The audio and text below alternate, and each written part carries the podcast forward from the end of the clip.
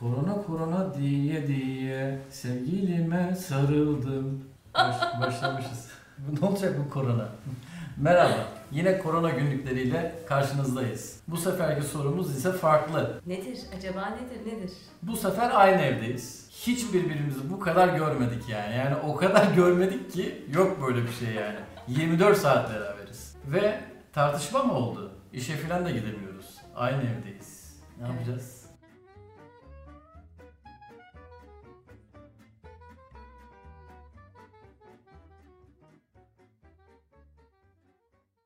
Peki konuya girmeden önce Levent size bir abone olsunlar değil mi? Ne dersin? Ya abone olun falan deyince olmuyor. Yalvarıyorum abone olun ya. Ya lütfen. Yani yalvarıyorum yani. Orada bir tane abone ol düğmesi var. Yalvarıyorum ya. Yani hiçbir şey olmayacak. Abone lütfen basın. Çok rica Sonra çıkarsınız. Rahat olun. Sonra çıkarsınız yani. Zile bir de zile de söyler misin? Zil- Zile Zile basmadan. de basın. Ben size uzman tavsiyesi söylüyorum. Basın. Çok güzel o zil ya. Vallahi. Çok güzel bir zil. Çok güzel söyledin. Bakın biz çekim yapmak için aramızda ne kadar çok mesafe yani çok zor bu mesafe. Yani Gülen Hanım'la yani bu kadar güzel bir kadınla yani onun bu kadar güzel enerjisinden uzakta durmak. Ben zaten sırf bunun için geliyordum buraya. Onun şöyle aurasından, onun enerjisinden bir bukle olsun alayım diye geliyordum ama geliyorum ama al buyur. Lütfen abone olun ya. Lütfen. Peki konumuza girelim. Şimdi aynı evin içerisindeyiz ve birbirimizden türlü türlü böyle kaşının üstünde şey, neydi o? Kaşın üzerinde alın var ama. Evet gözün Onu da üstünde söylemeye kaşın, başladık. kaşının üstünde de alnın var şeklinde arıza çıkarıyoruz. Eminim bunu seyreden erkekse ben çıkarmıyorum, kadın çıkarıyor diye düşünüyordur. Kesinlikle. Kadın da kesin erkek çıkarıyor diye düşünüyordur. Peki gerçekte neler oluyor acaba? Şimdi 24 saat birlikte olmanın şöyle bir dezavantajı var. Hı hı. Yani şöyle bir sözümüz de var bizim atasözü. Çok muhabbet tez ayrılık getirir. Şimdi bu atasözü boşu boşuna çıkmamış. Hmm. Şimdi evin içinde az bir muhabbet edeceğiz. Çok muhabbet tez ayrılık getirir tezinden yola çıkarak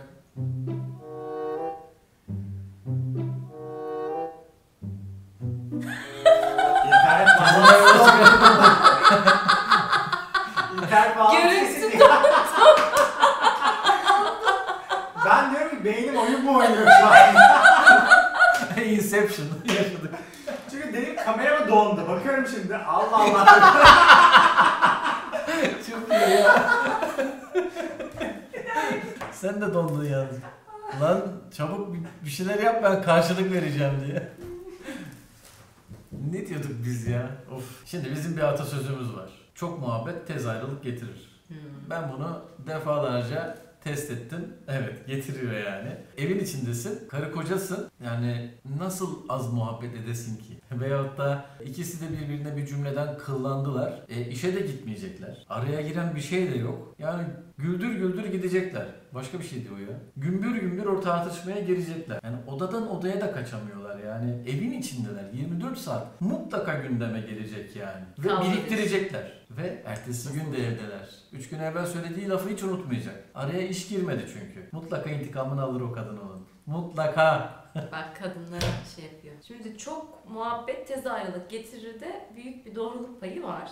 E, buna Gestalt psikolojisinde iç içe geçme temas yöntemi olarak söyleniyor. İç içe geçmek sürekli yani beraber oluyorsan, sürekli hayatını o insanla yaşıyorsan e, o çok sağlıklı bir durum değil tabii ki. Bunu hatta başka bir videoda da ben bahsetmiştim zannediyorum. İlişkinin başlangıç aşamasında evet iç içe birazcık geçmek iyidir.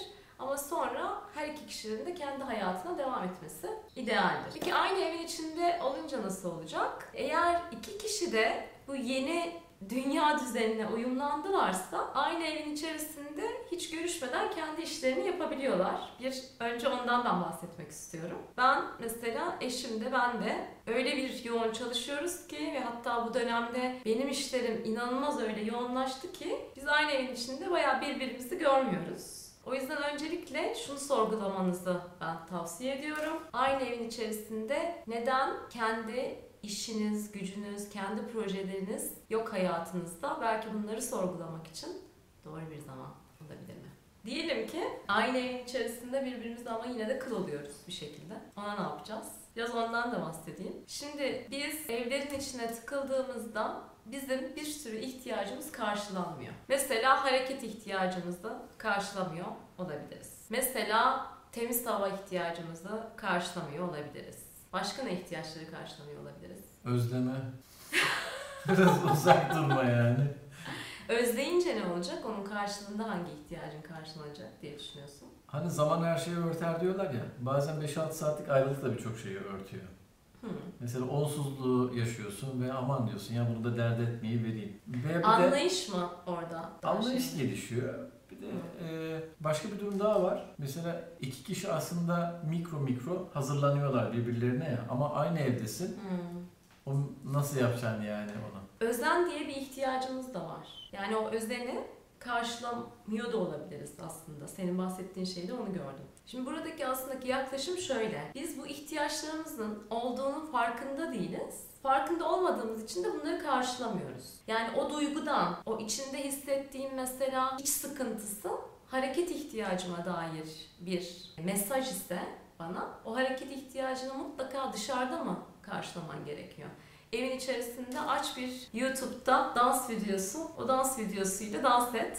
Hareket ihtiyacını karşıla. Özene mi ihtiyacın var? De ki evdeki sevgiline ben şu anda gideceğim biraz kendimle ilgileneceğim. Git böyle uzun uzun duş al, kremlen, maskeler yap kendine, kendini şımart ve o iki saatin sonunda karşındaki insanla görüş. Yani ihtiyacımızla biz bağlantıya geçtiğimizde aslında karşımızdakine kıl olmayı bırakıp o ihtiyaçları karşılamaya gidiyoruz ama bunu yapmayı da maalesef çocukluktan itibaren bize yapmamayı öğrettikleri için de yapamıyoruz.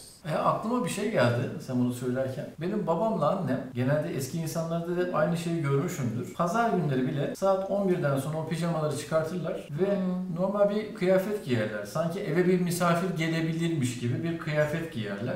Ve öyle devam ederler. Ben de hep onu görmüşümdür evde. Fakat işte bu postmodern yaşantıda biz bazı ge- eski geleneksel şeyleri kötüledik ve iptal ettik. Belki de doğrusunu yapıyorlardı. Şimdi bu korona günlerinde bunları belki tekrar hatırlamalı ve bunları devreye almalıyız. Kesinlikle katılıyorum. Bir de şey söyleyeceğim. Şimdi özendir, harekettir o ihtiyaçlarımız var. Bir yandan da güven gibi bir ihtiyacımız da var. Ve o güven ihtiyacını da karşılamanın yollarına bakmalıyız. O güven hani kendini güvende hissetmekten bahsediyorum. Şimdi kendini güvende hissetmek için yani evi saat başı çamaşır suyuyla da silsen kendini güvende hissedemezsin. İçindeki çocuk kendini güvende hissetmediğinde içindeki ebeveynin ona kendini güvende hissettirmesi lazım. Bunu yapmadığında ebeveyn çocuk giderek hırçınlaşıyor ve çocuktan ilişki kuruyorsun hayatındaki insanla. Hmm.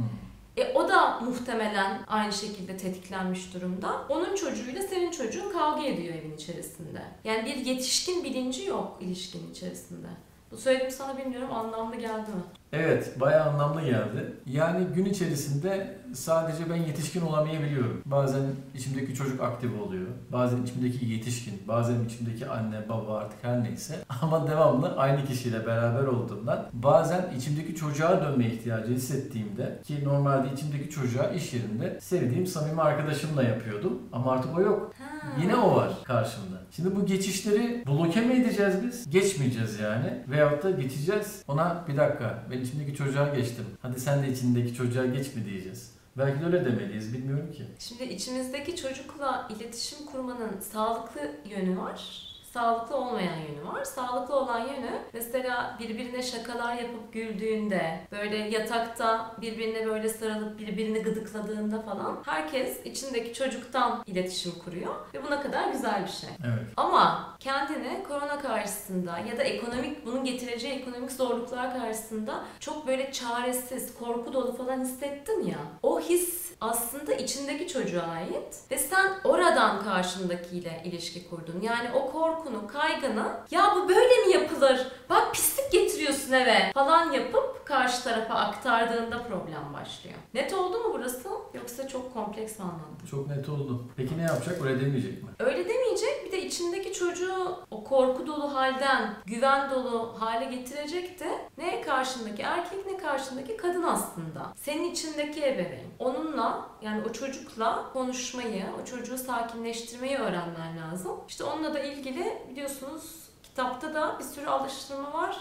Aynı zamanda bir sürü video da var. Buralara linkini koyarız. Yani o çocuğu böyle e, ben sakinleştirmeyeyim. Sonra bütün korkumu, endişemi falan karşı tarafa kusayım. Çok saçma ve verimsiz bir yöntem ve biz bunu yapıyoruz aslında. Yani aynı evde kalmanın yarattığı problem buradan kaynaklanıyor. Bu yukarıya koyacağım videolar bu sorunların çözümünü içeren videolar. Çözümünü içeren videolar şöyle Levent aslında. içindeki çocukla çalışmak genelde insanların kendi başına çok da cesaret edemediği bir konu. Onu anlayabiliyorum çünkü orada bir daha desteğe ihtiyaç duyuyorlar. Ama bir bakabilirler yani bir kere konsepti bir öğrensinler. O videoları o yüzden yaptım ben. Orada alıştırmayı da anlatıyorum içlerindeki çocukla bağlantı kurmak için. Ama alıştırmayı yapamazlarsa o zaman işte Afrodit eğitimlerine gelecekler, bireysel koçluk alacaklar. Yani bir uzmanla çalışmaları gerekiyor. Genelde bu şekilde oluyor içindeki çocukla çalışmak.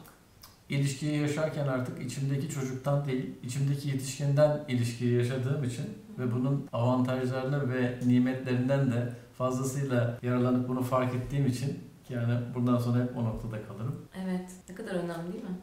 Bence ilişkilerle ilgili konularda birçok şeyi bir kenara bırakıp ilk buralara çalışılması gerekir diye düşünüyorum. Bence herkes çalışsın yani bu konuya. Bence de herkes çalışsın. O zaman kapatalım mı videomuzu? Sen kapatmak ister misin? Bence sen kapat. Sen daha güzel kapatıyorsun Peki. bence. Evet, bizi izlediğiniz için teşekkür ederiz. Bize bu süreler boyunca dayandığınız için de teşekkür ederiz. İki tane farklı yorum alıyoruz. Bir tanesi videolar daha kısa olabilir. Diğeri ise videolar daha uzun olsun diyen var. Biz oylama yapmak istiyoruz. Çünkü biz de karar veremiyoruz. Biz bu konuyu size soralım dedik. Sizin fikirleriniz bizim için çok önemli. Anketle bize yardımcı olursanız çok seviniriz. Bu videoyu beğendiyseniz beğene basın ve ayrıca lütfen ve lütfen yorum yazın istiyoruz. Bunu çünkü YouTube'un algoritması gereği yorum yapılan videolar yine bu konuda ilgisi olan insanlara daha çok sunuluyor. O yüzden bize yardımcı olun ve lütfen yorum yazın. Nokta da koysanız yorum yorumdur. Önemi yok. Lütfen bir şeyler söyleyin bize. Bir sonraki videoda görüşmek üzere. Bir dakika ya. Herkes gözüyle bakıyor. Yo ben şarkı hatırlamaya çalışıyorum ya. Ha, vallahi bravo ya.